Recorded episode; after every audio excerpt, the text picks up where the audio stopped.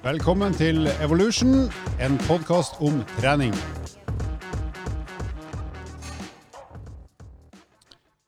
Ja, ja, ja, da er vi tilbake igjen i vårt studio her i Oslo. Eh, Oslo i Oslo. Eh, og vi eh, nærmer oss jul. Det begynner å bli enda mørkere eh, og nærmest litt tristere ute. Så eh, vi tenkte at siden det begynner å nærme seg jul, så eh, la oss snakke litt rundt bordet om hva vi skal spise, eller hva vi liker å spise i julehøytida, før vi skal gå over til poddens tema etterpå. Andreas, hva er din favorittmat til jul? Min favorittmat til jul Nei, Vi spiser eh, ribbe. Uh, men jeg er ganske glad i pinnekjøtt òg. det som jeg kan styre meg for, og som jeg da aldri har opplevd, selvfølgelig, det er jo noen steder i Norge så spiser man jo torsk. Det må jeg jo si at ikke er min Torsk er tirsdagsmat. Ja, det er ikke min ultimate favoritt. Det. Men uh, i år uh, så kan det hende at uh, vi skal oppover til Trondheim, der foreldrene mine er fra. og hjem til farmora mi. de, er fortsatt fra Trondheim. De er fortsatt Det som er morsomt, da, det er at de flytta jo nedover pga. Forsvaret. Og i løpet av én uke i barnehagen så blei den dialekta her til. Så den eh, østlandsdialekta den var ganske effektiv for å viske ut eh, det som kunne ha vært en, eh, en trønderdialekt som jeg kanskje skulle ha prata. Hvis Men- du hadde hatt den dialekten, så hadde du ikke vært med i den podkasten her. Det kan jeg garantere deg. Det er sant. Legger du om når du kommer til Trondheim? Eh, om jeg prater sånn her når jeg foreleser i Trondheim? Nei, når du kommer hjem til farmor, ikke? Nei, jeg gjør ikke det. Jeg gjør ikke det. det er altfor utvaska.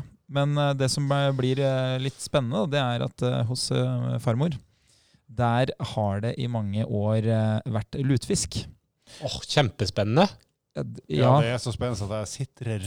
eh, Nå er ikke det her en podkast hvor eh, vi skal prate om sånne ting, men jeg kan jo si det sånn at akevittbudsjettet må dobles hvis det blir lutefisk på julaften. men eh, Ja, for det er vondt. Vondt, vondt. Ja, altså det går greit. da. Jeg har ikke noe problem med å spise det, men eh, på lik linje med torsk så hadde jeg jo ikke valgt det.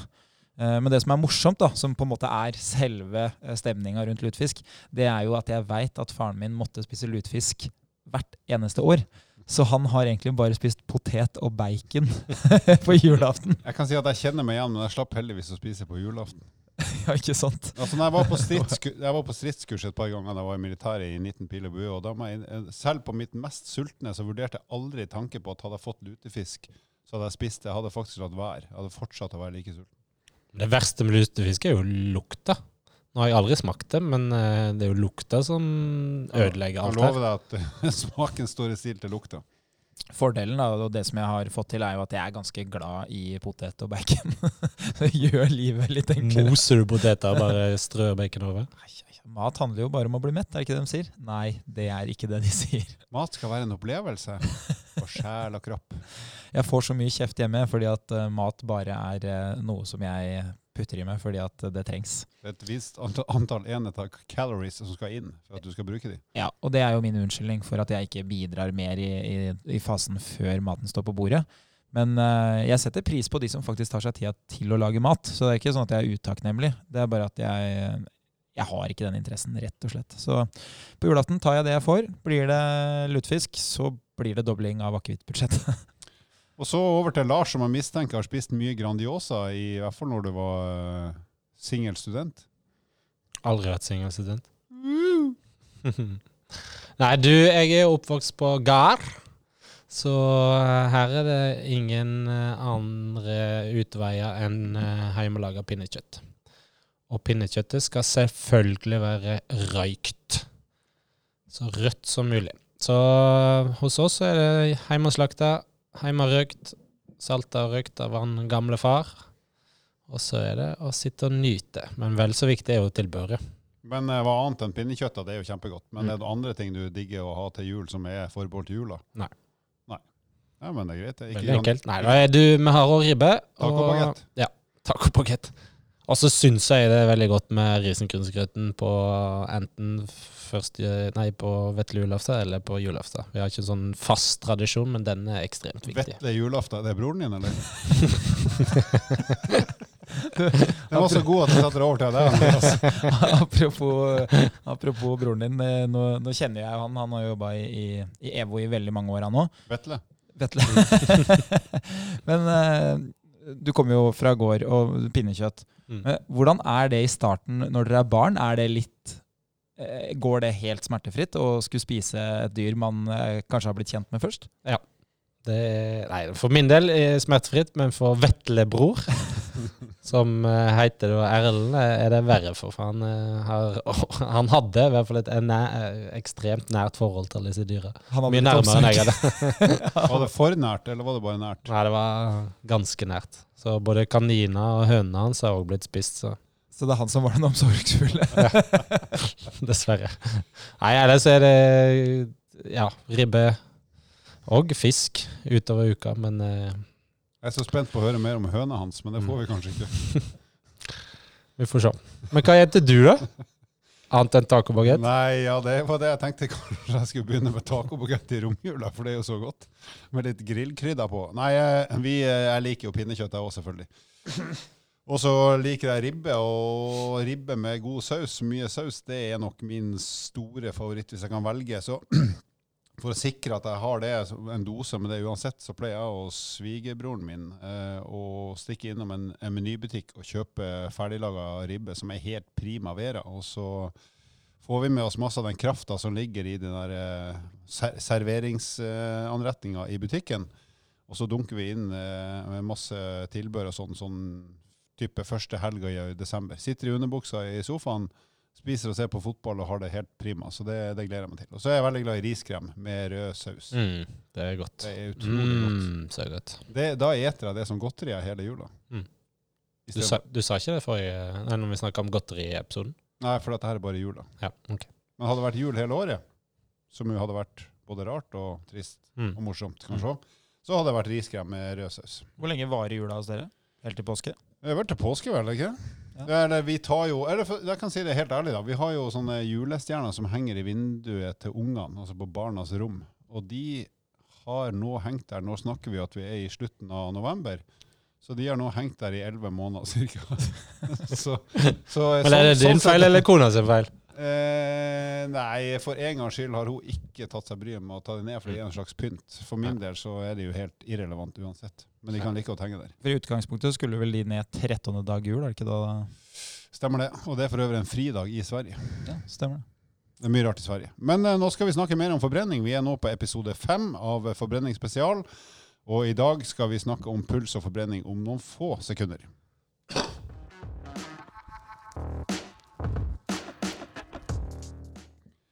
Ja, da skal vi eh, til temaet som da er mer om forbrenning, og i dag skal vi prøve å snakke litt om forholdet mellom puls og forbrenning, eller forklare litt om puls, og i hvor stor grad det er et uttrykk for forbrenning, og om de har noe med hverandre å gjøre i det hele tatt. Men aller først er jo puls da, det er jo det antall slag i hjertet de slår, og som Andreas sa her før vi gikk på luften, så er jo det at det er puls, det er jo et godt tegn i seg selv, eh, for da betyr det at du lever. Så det skal vi ikke underslå, det er viktig.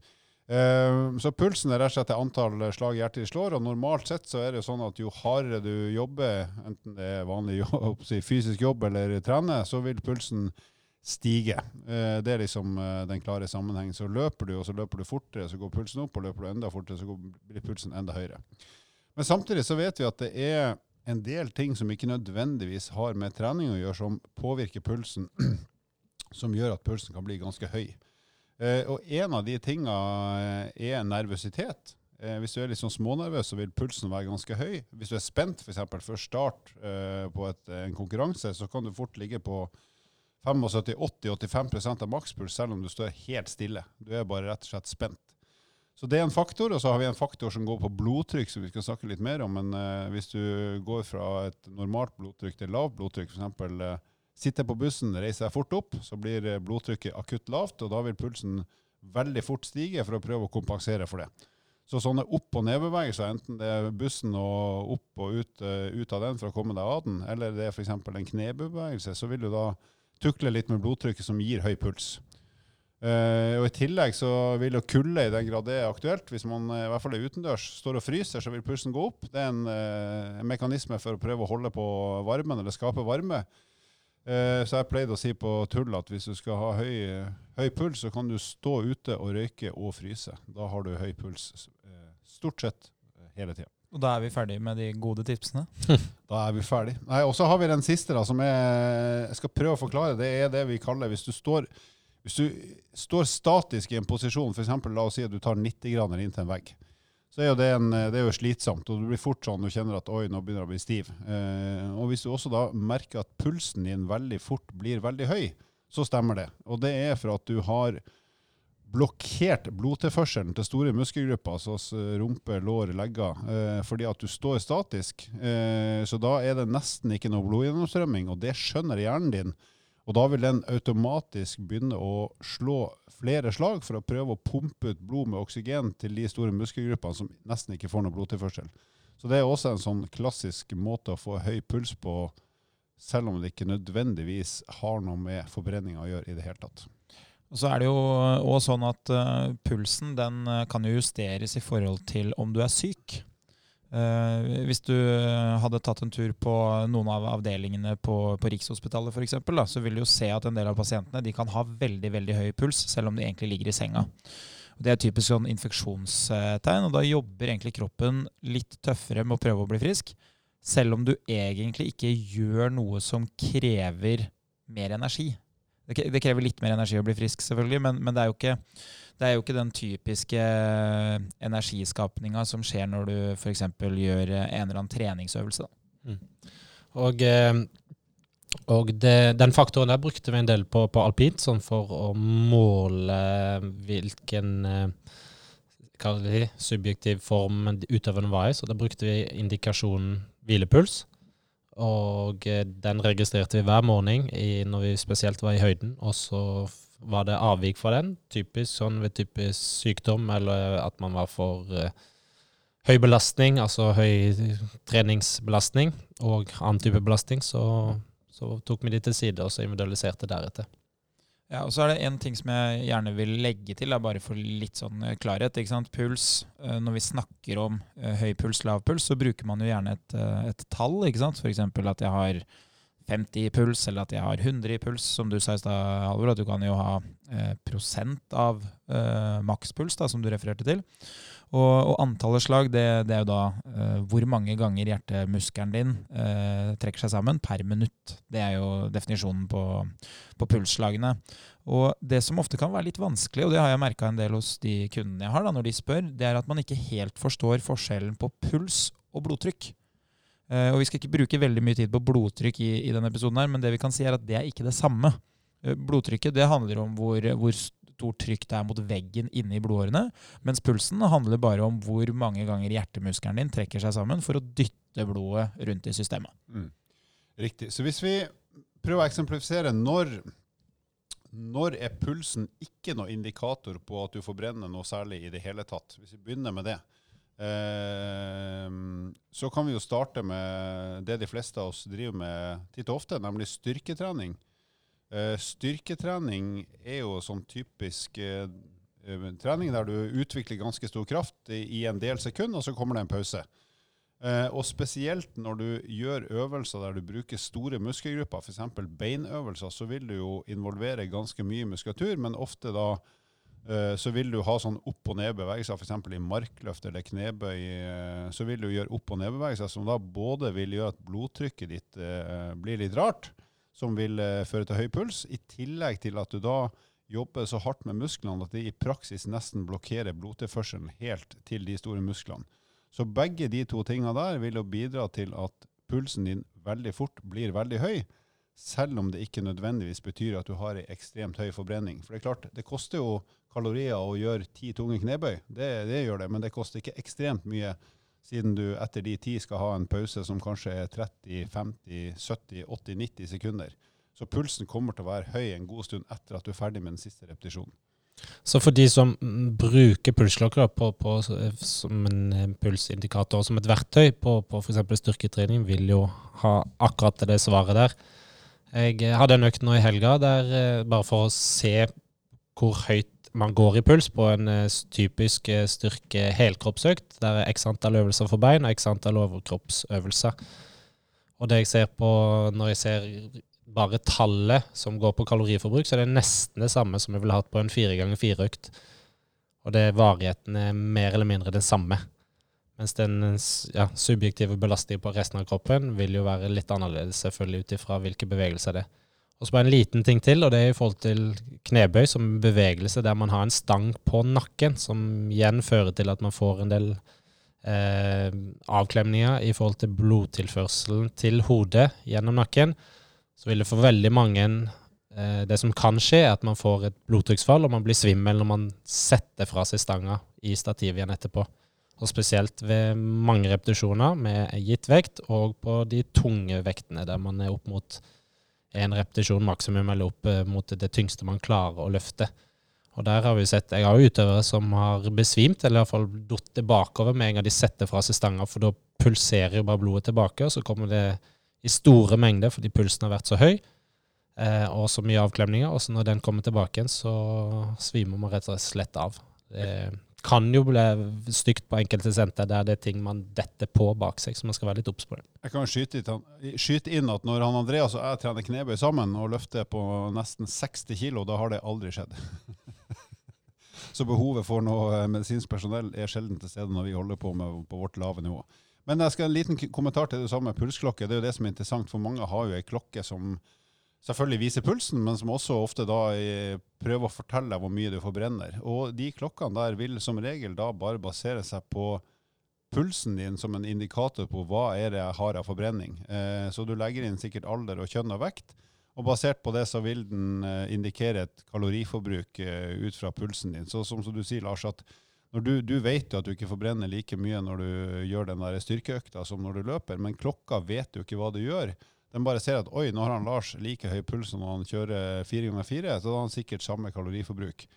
Og så er det helt andre mekanismer da, som ligger til grunn for at han har den høye pulsen, men det, det skjønner jo ikke klokka. Altså, den ser jo ikke hva det gjør, den kan bare lese av pulsen, og, og dermed gi deg et sånn ei kaloriforbrenning, eh, beregning som, som blir i det tilfellet her altfor høy i forhold til i ei løpeøkt der den sannsynligvis hadde truffet mye bedre.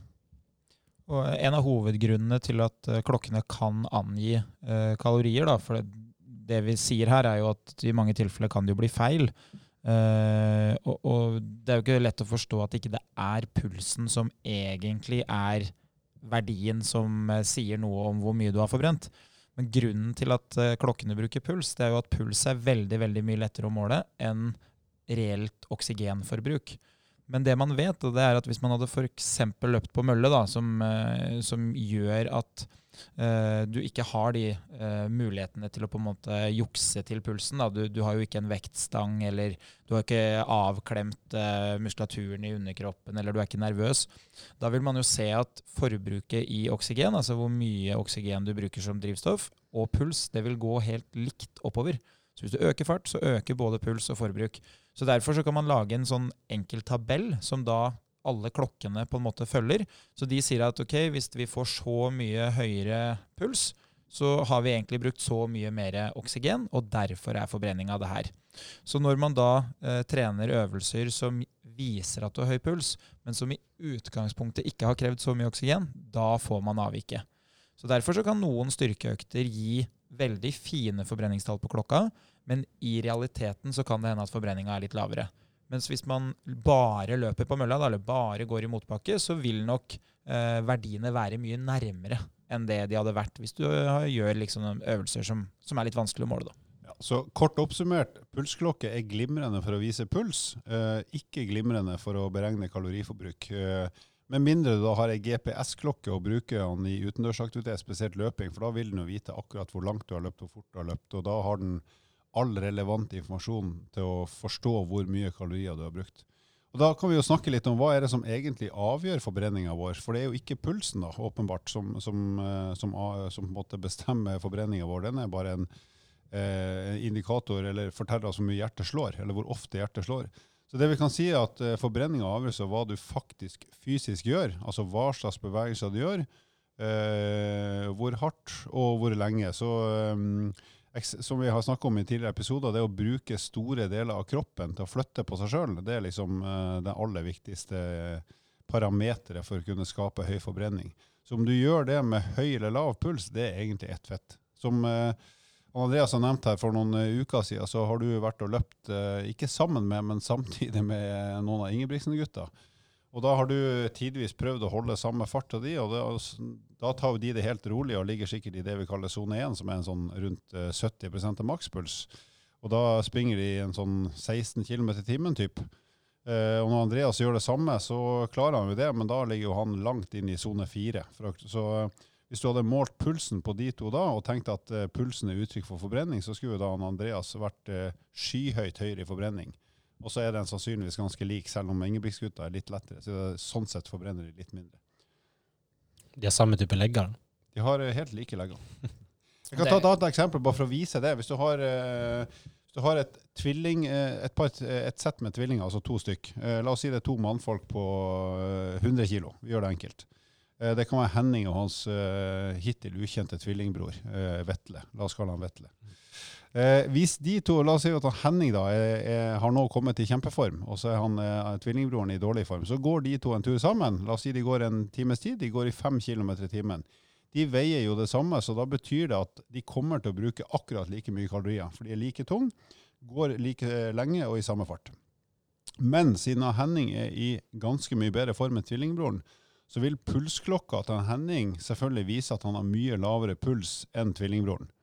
Så når de ser på klokka etter den time, timen med gåing, så vil pulsklokka til lillebroren vise at han har forbrent mye, mye mer kalorier enn Henning, fordi at eh, tvillingbroren har, en, har dårligere form og dermed mye høyere puls eh, når de går på samme hastighet.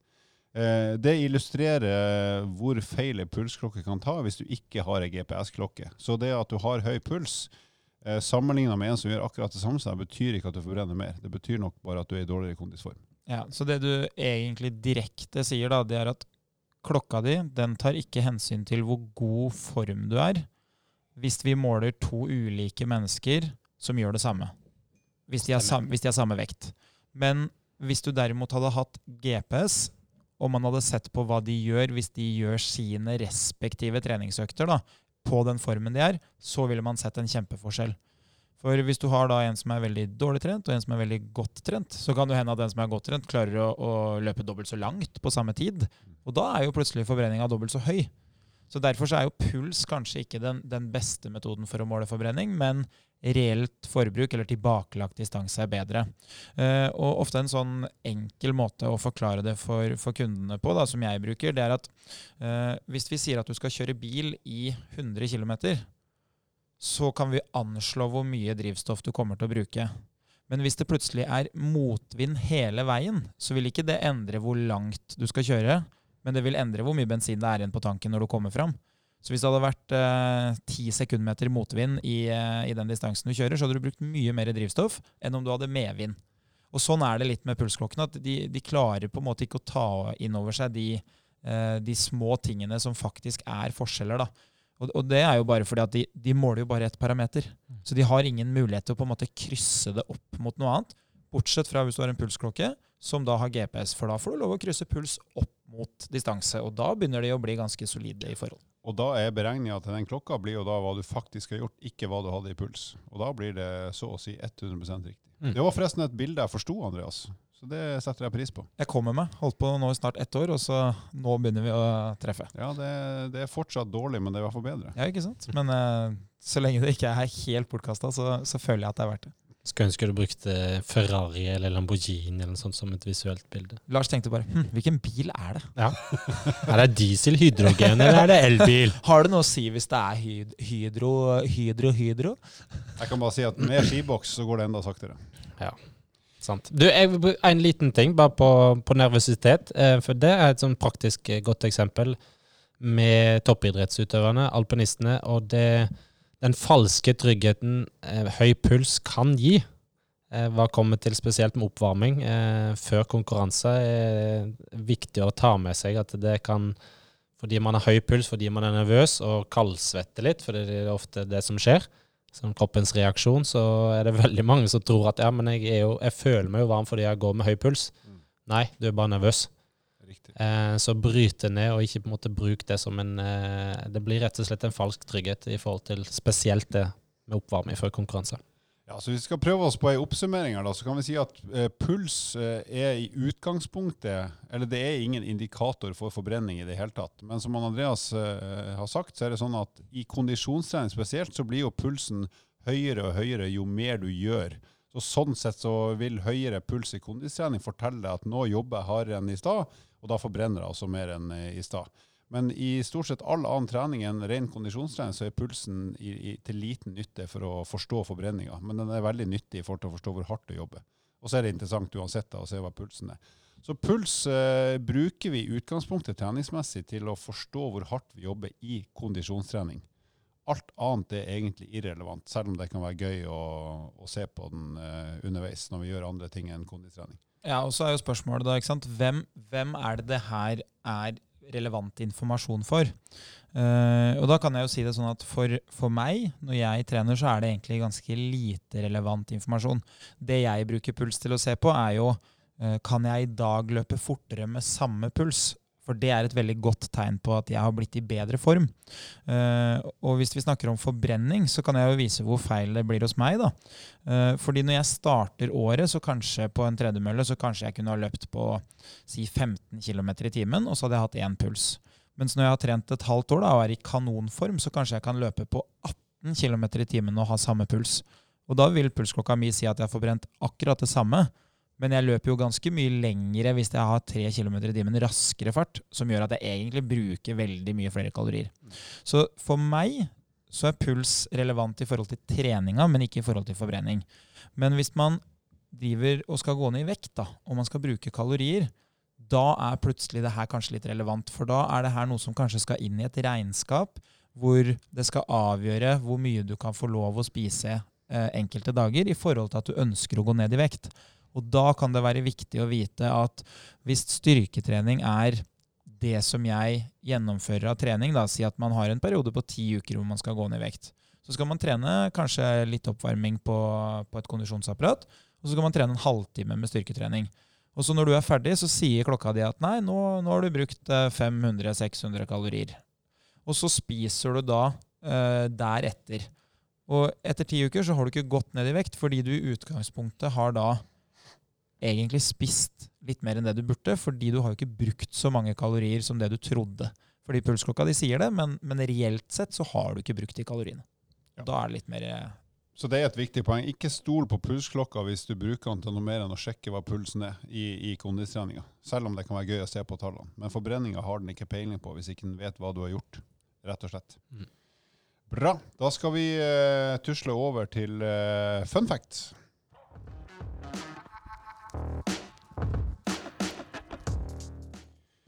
Minner også om eh, konkurransen som ruller og går nå fram mot jul. Eh, der kan du vinne Door Gym fra treningspartner.no, treningspartner.no som er den største leverandør av treningsutstyr i hele Norges land.